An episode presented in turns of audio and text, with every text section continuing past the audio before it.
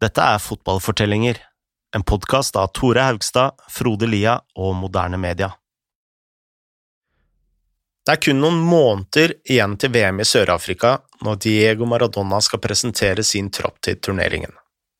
På vei til pressekonferansen kjører han over foten til en fotograf som han deretter kaller en idiot. Han dukker opp til konferansen én time for sent. Når Maradona presenterer troppen, blir pressen overrasket over en rekke rare valg. Men det er ikke spillerne som skal innta rampelyset i Sør-Afrika. Dette er VM-et som skal bli Maradonas show, både på godt og på vondt.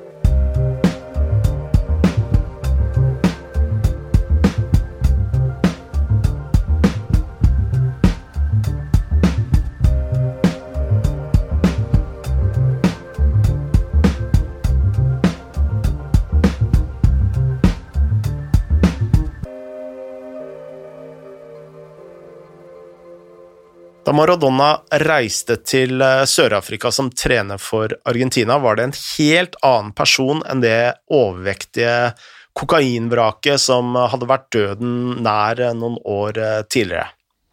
Han var slank, og han var full av energi. Ja, og han hadde fått seg nytt, fint og tjukt skjegg, selv om dette var mer en nødvendighet enn noe annet.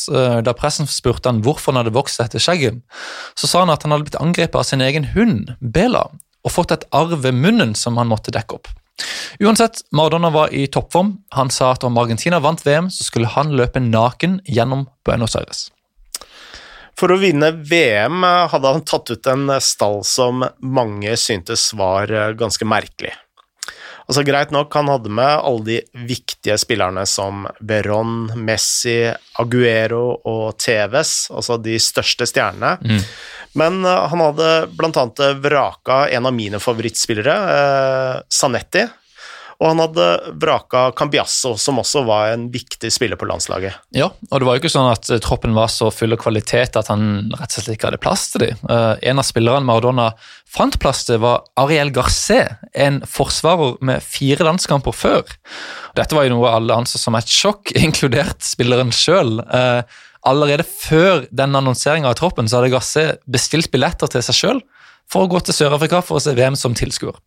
Så altså, selv ikke spillerne Maradona kalte opp, hadde tro på at de kom til å bli med i, i stallen. Argentina hadde jo havna i gruppe med Nigeria, Sør-Korea og eh, Hellas.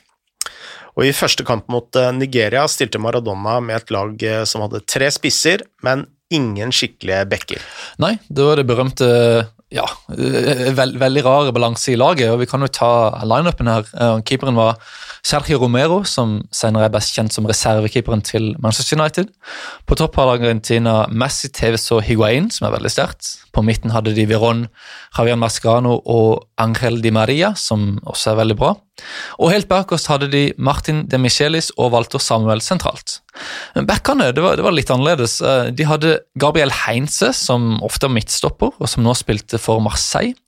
Og så hadde de eh, Jonas Gutierrez, som på den tida var wing for Newcastle. Eh, og dette var jo, altså Når du har Sanetti i laget, eller tilgjengelig, så, så er det jo dette en litt snodig eh, ja, en, en, litt snodig prioritering. Ja, for det er en forskjell på Gabriel Heinze og Sanetti. Ja, og for ikke å snakke om Gutierrez, som ja, Og Gutierrez. Ja. ja. Med all respekt. Argentina sleit seg til en 1-0-seier i den første kampen.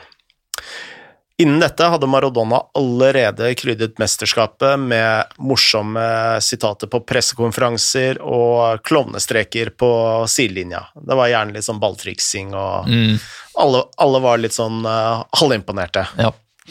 Daniel Edwards eh, var i Sør-Afrika for å dekke Argentina og husker en Maradona i praktfull form. It was just great fun because uh... Maradona was was absolutely in his element in South Africa. Um, every every day he was coming out with um, with kind of a new catchphrase um, uh, and saying a different player was going to win them the World Cup. Uh, at the start, it was um, it was Mascherano and and ten other players. Then it became um, Messi and ten other players, and then later it was. Uh, Seba Veron and and ten other players. Um, he was he was just absolutely loving it. You could see um, kind of the enthusiasm he had for for that World Cup, and and I think despite ourselves, um, despite you know better judgment, um, to put it like that, uh, Argentina caught that caught that enthusiasm. Uh, the team was an absolute mess. They hadn't played well throughout qualifying. Um, there was huge imbalances across the pitch. Uh, you're talking about world uh, European champions like Esteban Cambiaso, Javier Zanetti had, uh, had been left home. They weren't included in the squad, and you know, for me, an unforgivable oversight. Um, or, but but even so, there were there was like this feeling that with Maradona anything was possible and with Messi too, anything was possible. Vi må også ta med en episode med Maradona her. Eh, selv nå som han var trener, så klarte han jo ikke helt å motstå å ta et par frispark her og der på, på treningsfeltet. Og Spesielt ved én anledning i Sør-Afrika så viste Maradona at han fortsatt hadde touchen inne. You got that moment when, you know, the beginning of a tournament, nobody can, can control the, uh, the Jabulani ball. And um, then suddenly there's Maradona with it with a cigar in one hand, wearing a suit, wearing these pointed patent leather shoes. Like, uh, wanders on the training pitch and smashes a half volley in the top corner, as if to say, "There's nothing wrong with this ball. You're all just useless."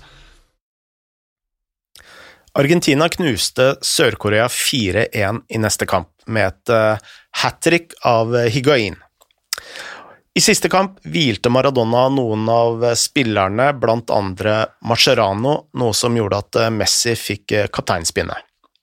Argentina vant 2-0 med mål fra De Michelis og Palermo, og var nå klare for åttendedelsfinalen. Der møtte de Mexico, og igjen så klarte Maradona å styre Argentina eh, videre. Eh, TV skåra to mål, Higuain skåra ett, og Argentina vant 3-1. Argentina skulle nå møte Tyskland i kvartfinalen. Utrolig nok var Maradona kun nå tre kamper unna å vinne VM. Martin Masur, som også var i Sør-Afrika for å dekke laget, fortalte oss at tilliten til Maradona nå var stor. Uh, the atmosphere was good, uh, and there were Palermo scoring in a World Cup uh, of Messi being the captain for the first time in that third game against Greece, that no one cared about that game, but in the end, it was a magical moment because Palermo scored with I think it was 36 or something, 35, and and Messi captaining the the team for the first time ever.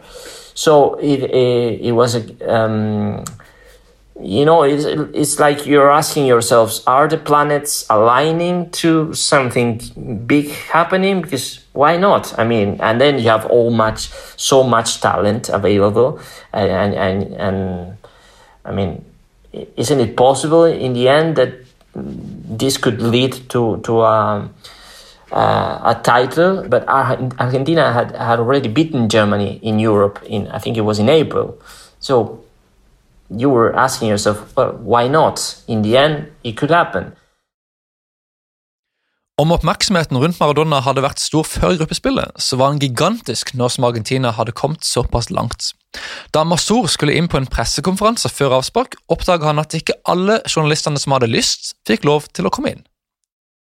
It was the only time ever I saw tickets for press conferences. So the, you were handed a ticket, you had to arrive so much early in order to get a number, and only the first 80 people would enter the press conference because it was Maradona. So, again, the Maradona effect is uh, second to none. You could put anyone else, and that thing wouldn't have happened. Uh, the, the press conference of Maradona said, we, before the game we know everything about germany we have we have studied germany and after the game i don't know what happened but we knew everything about germany and and the thing is that germany played the exact same game that they had played against england the exact same game so it's not that they changed um, Mueller on the right uh, and, and, and, and, and Klose. But again,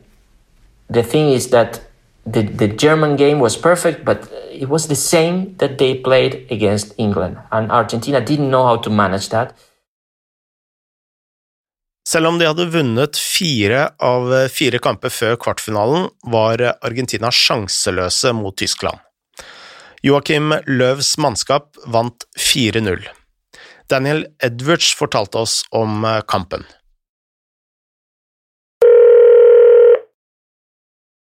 They were too good for, for Argentina at that time, and, and they were raided by some by some kamikaze tactics.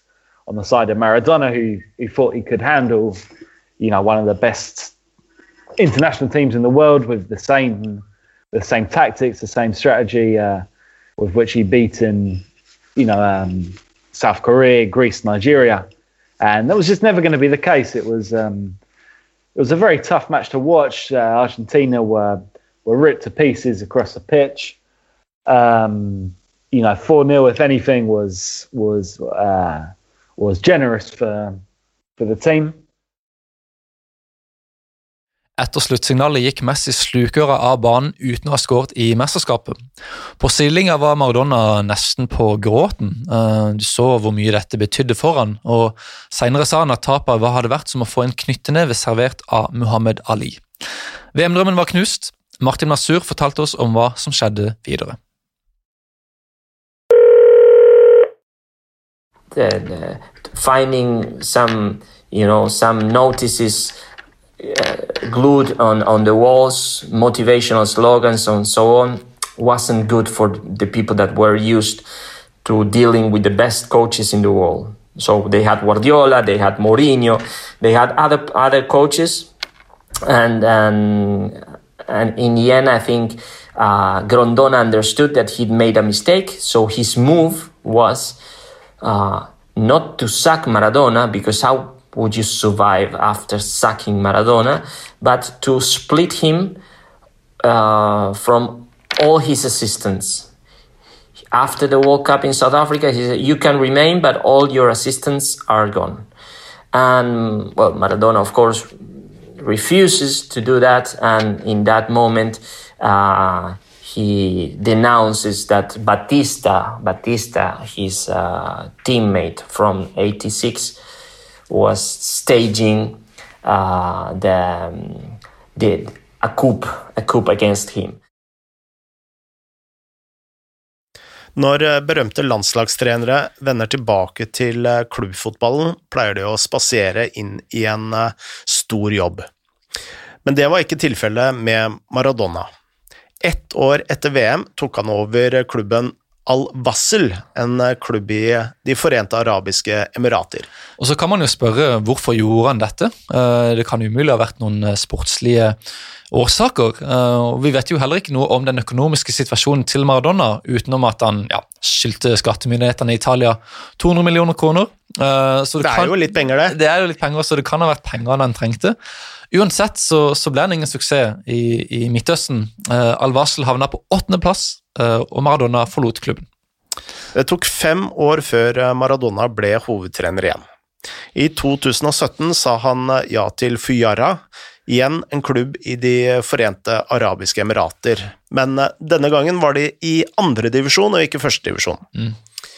Målet var direkte opprykk, og Maradona klarte kun playoff så han sa opp. Som eh, ekstra salt i såret vant Fuyara playoffen eh, og rykket opp uten Maradona. Ja. Og Man skulle jo tro at Maradona hadde fått uh, nok nå av disse nedturene. At en så berømt skikkelse skulle arbeide foran et par tusen tilskuere i Midtøsten i andredivisjon, var jo en, en ydmykelse.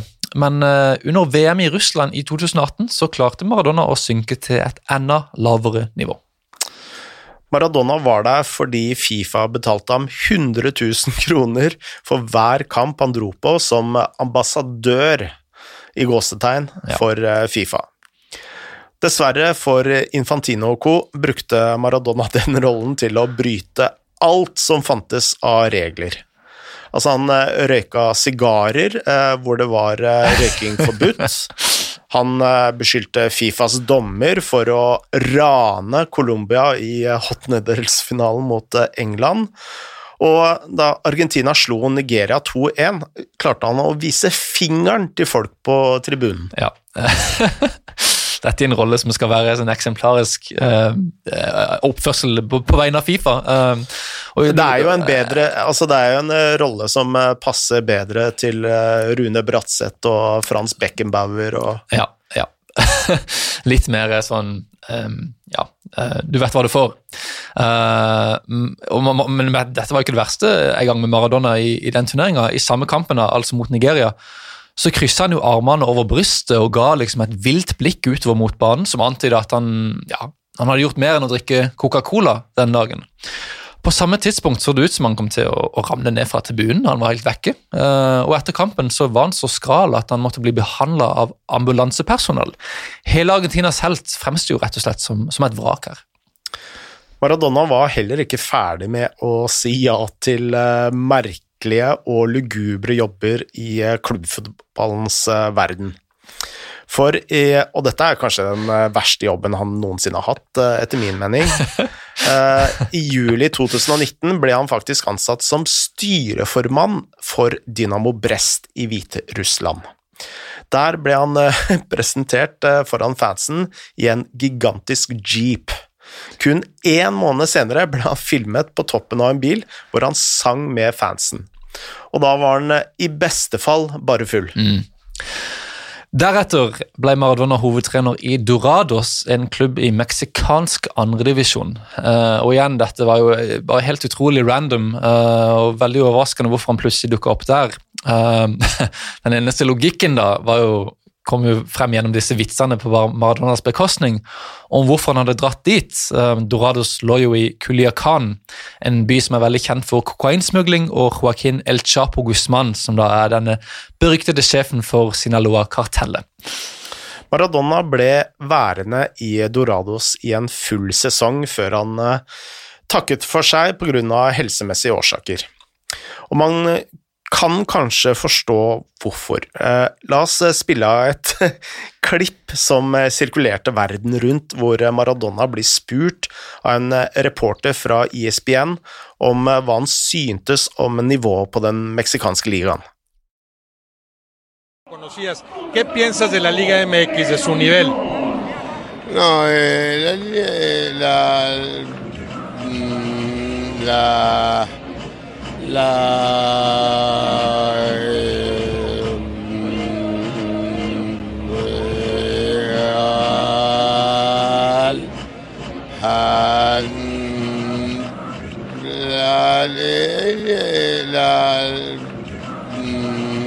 la la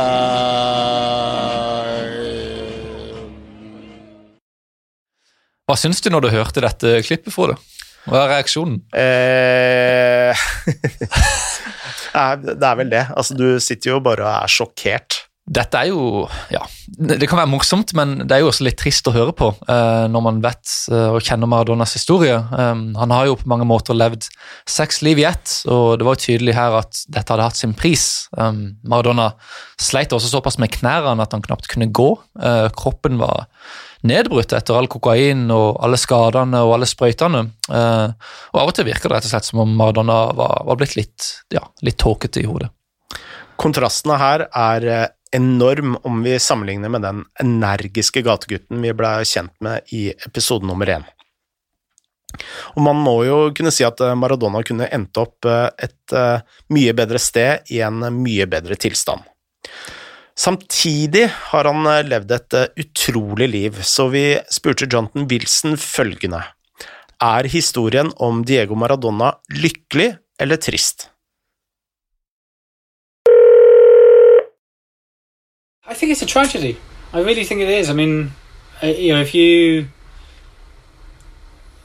you know, if you were, if you, you know, if you were writing this as a, as a play or as a film, as a novel, it's a story of somebody of uh, enormous gifts who goes astray, has great triumphs along the way, but he certainly by the uh, early to mid 90s he, he's collapsed into this um, parody of what he had been. Um, he, I don't think, got anything like the full benefit from his his talent. I mean, I guess it, you know, I guess with all stories, it depends where you end it. If you end it in 1986, it's a great triumph. If you end it in, you know, with Napoli's second Scudetto, it's a tainted triumph. If you end it any time after that, it's it's a pretty tragic end and a pretty uh, it's a pretty sorry story about um, the effect of celebrity and the impact of fame on somebody somebody who I think was probably emotionally not equipped for it anyway, but but was in a time in a society who didn't really understand it and couldn't really support him. And I suspect now he'd get much better help.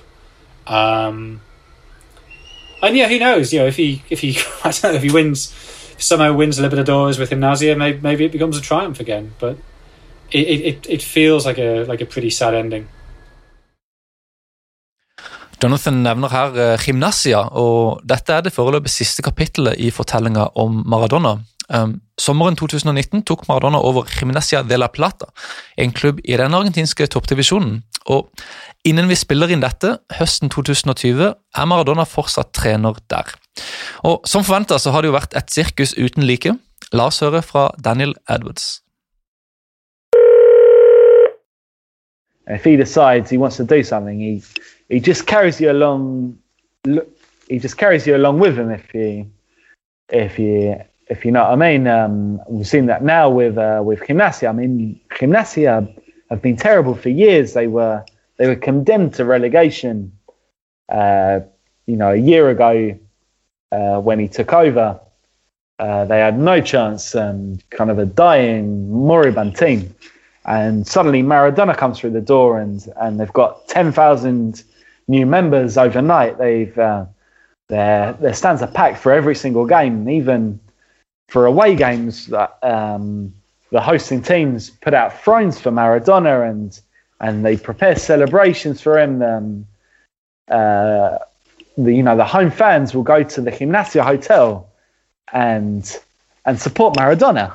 Um, it's just you know it's incredible what what this guy what this guy provokes what what his character his personality um, can generate in in other people. Um, and of course a lot of that is to do with with what he was as a footballer uh, winning the World Cup but it goes beyond that he's you know he's just this guy uh, this kind of un- unstoppable force um, who even if you know you don't like who he is as a person, you think he's he's rude, he's offensive, he's uh, ill-mannered, aggressive, whatever. But uh, but you can't keep your eyes off him. Um, he's he's Maradona basically. Så mye entusiasme har altså Maradona brakt til gymnasia. Faktisk eh, ble det satt av et eh, eget kamera til å filme Maradona i løpet av en hel kamp, i tilfelle noen ville kun følge med på ham. Eh, Men det var ikke bare Maradona som har hatt en eh, positiv effekt på argentinsk fotball. Argentinsk fotball har også hatt en positiv effekt på ham. The last version of Maradona that we are having now is a Maradona that was unable to to um, to walk. Uh, that he he he he he was not just limping, but uh, uh, taken by someone else, you know, in order to try to make a step. Uh, and that Maradona that uh, had taken like one minute to start answering a question in Mexico in a video that became viral, uh, that was unable to, to talk. Uh, he, he was uh, brought to Gimnasia, a team that he was not connected with in the past. And the moment he came back into football, he healed. I mean, from that Maradona that couldn't walk and couldn't speak to this Maradona that not just speaks but elaborates good ideas and and and had a positive impact on the team so, so positive that he ended up almost saving them from a, a relegation that was already before he, he, he was appointed.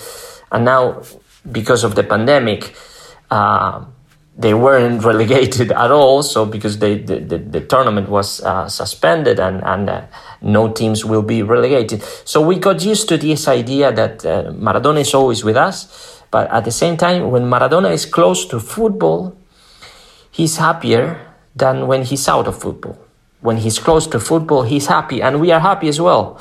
Because how, how can you deny that he made happy people from Gimnasia that were condemned to relegation, people that had never won an official title in their lives? And, and he made them cry just by being there. And then by winning and, and, and, and having the first victory after, I, I think, seven straight defeats um, they will remember and ch- cherish that, that moment as one of the special moments in their lives. So this is the power of Maradona. No, no other manager can bring you, or person can bring you this and, and, and, and give you something that will stay with you forever and that will connect with your, maybe your parent, uh, your, your father or your son. But um, it will be one of those unforgettable moments. And he still has the power of, of bringing this. Um, I, I, doubt that many other players uh, are able to do this. But with Maradona, oh, the, the, it, it's, it's, it's amazing. I mean, it's something out of this planet, to be honest. It's, um, it's, uh, it's not a football talent. It's another kind of talent. It's, uh, it's talent of um, uh, moving your your you know your inner feelings and then yes you you hear you hear him uh, make some very controversial quotes. And as a maradona fan you learn to forgive him or just to say i don't care what he thinks or what he says. It's about what he makes me feel. Uh, so his political views i'm i'm completely opposed to but that doesn't influence what I feel for um, uh, or what he makes me feel in football. And, and this has been the, case in three different moments of my life, but in anyone's life in Argentina. Vi kan altså forstå litt av hvorfor Maradona vekker så sterke følelser i Argentina. Masur sa også at om noen kritiserte Maradona, så var det som om de kritiserte Masurs egen oppvekst, fordi han som gutt hadde sett Maradona briljere. Dette til tross for at Maradona senere har gjort og sagt mange ting som er utilgivelige selv blant argentinere. Masur fortalte oss at han tror Maradona følte seg glemt i Argentina etter VM i 2010. Han måtte jo tross alt eh, dra til Midtøsten og Mexico for å finne laget han kunne trene. Så da han eh, fikk muligheten i gymnasia, var det en sjanse til å føle seg elsket i hjemlandet igjen. Mm, og Det er jo vanskelig for oss på utsida å vite om dette er sant, men eh, det vi kan konkludere med, basert på det siste året, er jo at Maradona er på sitt beste når han er i nærheten av en fotballbane. Uten tvil. Maradona trenger fortsatt argentinsk fotball, og argentinsk fotball trenger fortsatt ham.